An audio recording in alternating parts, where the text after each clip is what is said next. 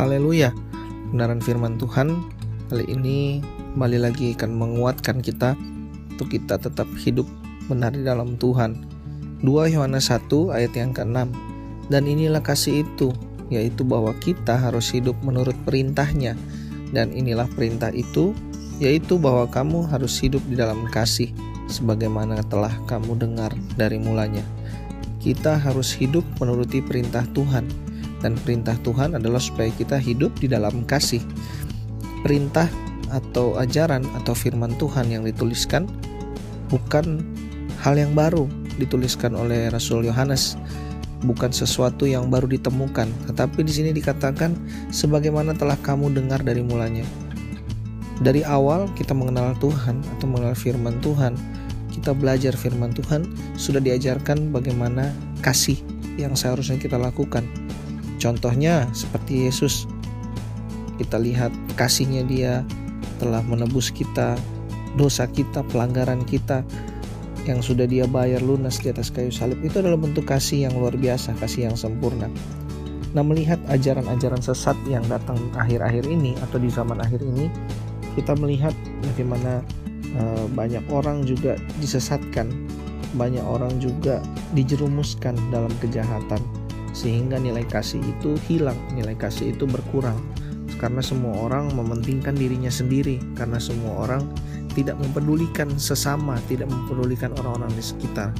Seperti dalam tapi Yakobus juga katakan di di pasal yang ketiga di mana ada iri hati, di mana ada kepentingan diri sendiri di situ ada kekacauan dan ada kejahatan.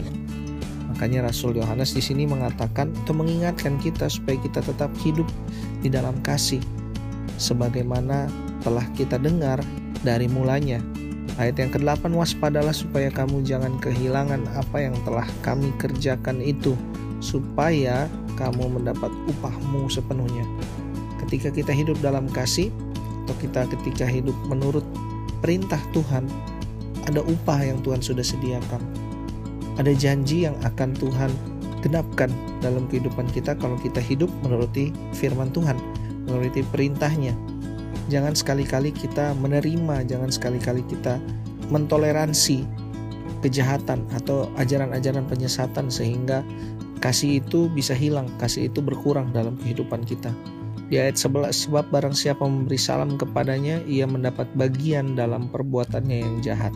Jangan sampai kita menerima ajaran-ajaran sesat yang menghilangkan kasih dalam kehidupan kita ajaran di mana menggoda atau di mana menjerumuskan kita kepada kepentingan-kepentingan pribadi, kepentingan-kepentingan yang menguntungkan diri kita sendiri, tidak memikirkan orang lain. Kalau kita hidup dalam kasih, kita akan menerima upah dari Tuhan. Kalau kita menuruti perintah Tuhan, berarti kita mengasihi Tuhan. Kalau kita mengasihi Tuhan, berarti kita harus hidup menuruti perintahnya. Sepanjang hari ini, marilah kita hidup sesuai dengan kehendak Tuhan, sesuai dengan perintah Tuhan, supaya janji dan berkat Tuhan yang Tuhan sudah sediakan boleh kita terima. Bukan hal yang mudah, bukan hal yang gampang untuk kita lakukan, tapi kita harus berusaha sebaik-baiknya, berusaha dengan sebenar-benarnya untuk kita bisa hidup dalam kasih. Sebab itu minta pertolongan Tuhan dan kemampuan dari Tuhan kita ini manusia terbatas, manusia yang lemah. Tapi di dalam Tuhan, kuasa dan kekuatan Tuhan yang memampukan kita untuk melakukannya.